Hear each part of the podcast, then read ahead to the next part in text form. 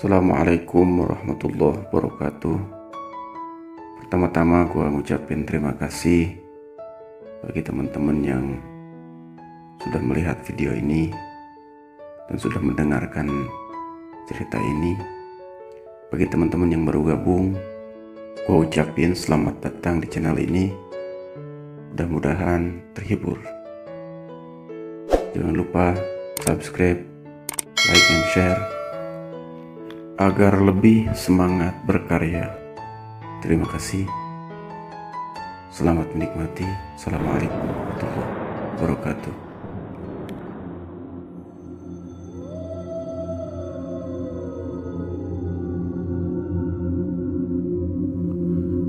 Rumah orang tuaku berada di pinggiran kota. Bersebelahan dengan tanggul kali milir di Sragen, Jawa Tengah. Sementara di seberang sungai ada kuburan desa Ulung Rejo. Kuburan itu dipenuhi dengan semak belukar dan juga bambu kuning. Setiap malamnya, burung daradasih berkicau menyampaikan pesan misteri yang terbuka. Pada suatu senja, saat sebelum maghrib, kedua orang tuaku tiba-tiba Ribut berlarian ke belakang rumah. Ada apa pak? Tanyaku. Bibir bapak tampak mulai merapalkan doa-doa.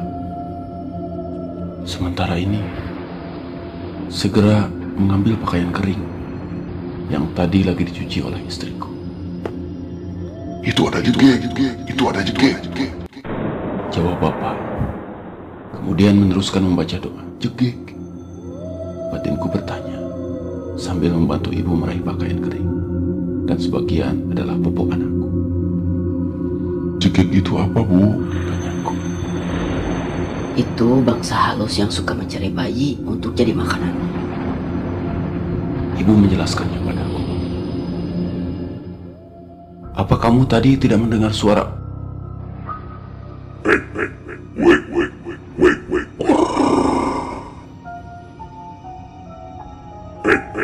wait, wait, wait, wait. Ibuku balik bertanya. Ya aku dengar bu. Nah, itu pertanda ada jegek. Selesai makan malam, seisi rumah berkumpul di ruang tamu. Bapak memangku Adit anakku yang pertama. Sedangkan ibuku menggendong Dwi anakku yang nomor dua. Istriku menemaninya. Aku sembari makan mendoan hangat yang baru digoreng istriku. Aku coba menerka apa itu jegek. Jegek itu wujudnya seperti apa, Pak? Bu, aku sendiri belum pernah melihatnya. Tampaknya Bapak berusaha menghindari tanya rasa. Ingin tahu. Ia mengelus-elus rambut Adit dan dia melanjutkan lagi pembicaraan. Tapi dulu, waktu Bapak masih bocah, pernah melihat bayi mati di mangsa jegek. Ketika itu jam 2 si- dini hari, Bapak terjaga dari tidur. Malam itu rasanya sepi sekali. Angin saja tidak berhembus, meskipun sedang terang bulan. Lalu, sesaat mau menutup mata, tiba-tiba terdengar berulang kali. Bapak pun mencoba mengintip lewat lubang papan rumah. Waktu itu masih anak-anak, jadi tidak berani keluar rumah. Dulu itu beda jauh dengan sekarang. Dulu, dulu belum ada listrik. Rumah tetangga juga masih jarang. Tidak seperti sekarang berdekatan. Bapak berhenti bercerita meraih secangkir kopi jahe buatan istriku. Di serumputnya tampak nikmat sekali. Terus gimana pak? Tanyaku tak sabar. Setelah bapak intip, di luar memang tidak ada apa-apa. Tapi suara cegek itu masih lantang terdengar. Sepertinya suara itu mengarah ke selatan, ke arah Mbah Tukni. Mbah Tukni, si mbahnya Warto itu ya pak? Aku menjawab. Iya, jawab bapak. Papa ini menjelah Mbah Kakung aja. anakku adik protes. Ternyata dia ikut menyimak cerita bapakku. Aku hanya tersenyum sambil mengambil cabai rawit dan mendoan yang keempat kali. Tidak lama kemudian, ada bayangan seperti burung elang yang besar. Kemudian bertengger di pohon nangka persis di depan tempat bapak mengintip. Kemudian, hewan itu seperti burung merak ekornya, warna merah, tapi jenggernya warna hitam. Anehnya, hewan itu menyala seperti api. Kemudian bersuara seperti ayam jantan berkokok. Sesudah itu hilang begitu saja. Saking bapak saking takutnya langsung menutup kepala dengan sabuk. Bapakku terlihat tampak serius, mengenang kisah masa kecil. Terus bagaimana pak? Aku makin penasaran. Ya begitulah. Esok paginya anak Mbah Tuk ini mati mendadak. Kulitnya melepuh memerah seperti tersiram air panas. Katanya anak batuk ini mati dimakan jegek. Mungkin jegek yang malam hari itu, jelas bapak. Opo, jadi jegek itu bentuknya seperti elang ya pak? Bukan, bukan itu jegeknya. Itu yang mengembala jegek. Ibuku menampik kesimpulan. Lah, terus wujud jegek itu seperti apa bu? Tanyaku. Menurut orang-orang yang pernah melihat jegek itu, kepalanya seperti kucing, tapi tubuhnya mirip anjing. Lidah, lidahnya menjulur ke bawah tanah, berwarna merah darah. Matanya menyala bak lampu satu. Tadi untungnya ibu dan bapak berlari mengambil popok anakmu. Seandainya terlambat sedikit, terus bagaimana cucuku ini? Ujar ibu sambil menciumi kepala Dwi.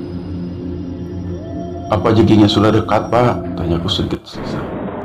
Tadi pas bapak keluar rumah sambil membaca Al-Fatihah, jegignya berlari di pinggiran tanggul. Apa kamu tidak melihat? Tanya bapak. Lain kali kalau menjemur popok bayi jangan di luar rumah. Ucap ibuku dengan ada suara sedikit marah. Aku diam saja sambil berpikir setengah percaya dengan cerita orang tuaku. Pagi harinya, aku bertamu ke rumah teman kecilku Teguh. Teguh itu dari dulu terkenal pemberani. Tempat yang menurut orang kampung itu wingit, bagi Teguh itu biasa saja. Tidak mengherankan, Teguh bisa melakukan tirakat di tempat-tempat angker dan berbahaya.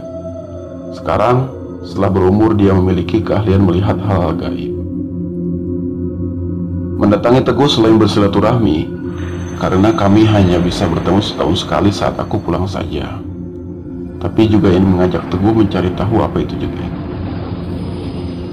Guh, kamu pernah dengar soal jegek?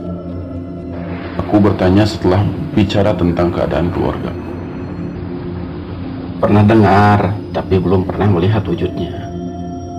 Oh iya, kemarin setelah sholat maghrib aku mendengar suara jegek. Lah, iya itu gu, kata bapakku. Kata bapakku, jegek itu sedang mengejar anakku, Dwi. Maka dari itu, aku ke sini. Selain silaturahmi, aku minta bantuanmu. Kamu kan ahlinya bangsa lembut seperti itu. Lah, terus gimana aku bisa membantumu, Han? Begini, Gu. Bagaimana kalau jegek itu dijebak saja? Dipasangi bobok bayi, kemudian ditangkap. Kalau nanti jegeknya muncul, kamu tangkap. Aku siapkan kamera infrared untuk mengambil video. Bagaimana, Gu? Setuju nggak? Handoko, begini. Beri aku waktu tiga hari untuk persiapannya. Jegek tidak akan muncul lagi dalam waktu dekat ini karena ia sudah dipergoki bapak. Jegek pun pasti mencari celah waktu menunggu korban yang diincarnya. Kata Teguh memberi alasan. Dan di hari ketiga, pada Selasa Wage, aku dan Teguh menata persiapan untuk menjebak Jegek. Selendang bayi, kembang telon, dan minyak misik pun sudah dipersiapkan. Aku menyiapkan kamera dan popok anakku yang basah sebagian sebagai pancingan. Setelah maghrib, kami pun bersiap. Popok basah sudah aku ikat dengan tambang. Aku bentangkan di antara pohon nangka dan pohon waru. Di bawah tali, ku pasang selendang bayi. Di setiap ujungnya diikat dengan benang lau, kembang telon, dan minyak misik itu diloloskan pada selendang itu. Kami pun menunggu. Satu sampai tiga jam belum ada tanda-tanda datangnya jegek. Sedangkan malam terus merangkak semakin sepi. Cahaya bulan cukup bisa memberikan penerangan keadaan sekitar. Untuk membuang sepi, Teguh pun mengobrol pelan-pelan. Mendekati jam 12 malam, terdengar kicau burung darah dasih dari pohon randu di tengah kuburan. Suasana pun berubah sepi dan angker. Teguh menyenggol lenganku supaya waspada. Dari balik gubuk yang kami tempati, tampak barongan bambu di pinggir kuburan bergerak-gerak tanpa dimengerti asal muasalnya. Di sebelah popok dan selendang ada burung bertengger warnanya merah menyala seperti api. Terbang di atas jebakan.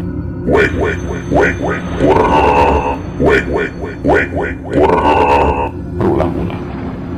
Huh, huh, jegingnya datang. Ucapku lirih dengan gemetar. Tenang, jangan takut. Itu yang menggembala. Suara itu sedang memanggil jegek. Jangan takut. Kita ini manusia ditakdirkan lebih unggul dari makhluk halus. Teguh menenangkanku. Benar-benar pemandangan yang menakutkan bagiku yang baru pertama kali melihat makhluk goib. Muncul mengerikan dari gerombolan di pinggir tanggul Kalimilir. Bentuknya sama persis seperti yang diceritakan. Hewan setengah kucing, setengah anjing, Lidahnya yang merah darah itu menjulur ke tanah. Anehnya, hewan itu berjalan tidak seperti hewan berkaki empat, melainkan seperti manusia. Jegek itu mendatangi Bob dan selendang yang aku pasang. Aku menekan remote pada kamera, teguh dengan lembut tapi tangkas, menarik benang lawe yang disambung ke selendang saat jegek itu melewati bawah jebakan. Saat itu pula Teguh menarik benang. Hewan itu, itu terperangkap. Badannya bergerak tak karuan. Jika itu terbelit selendang. Ia tampaknya ingin melepaskan diri dari jebakan itu. Burung siluman itu pun terbang berputar-putar di atas jegek. Suaranya makin nyaring dan ramai. Saking kuatnya bergerak, tali tambang itu putus. Jegek itu lepas dari jebakan dan berlari ke arah gubuk. Matanya merah menyala sangat marah.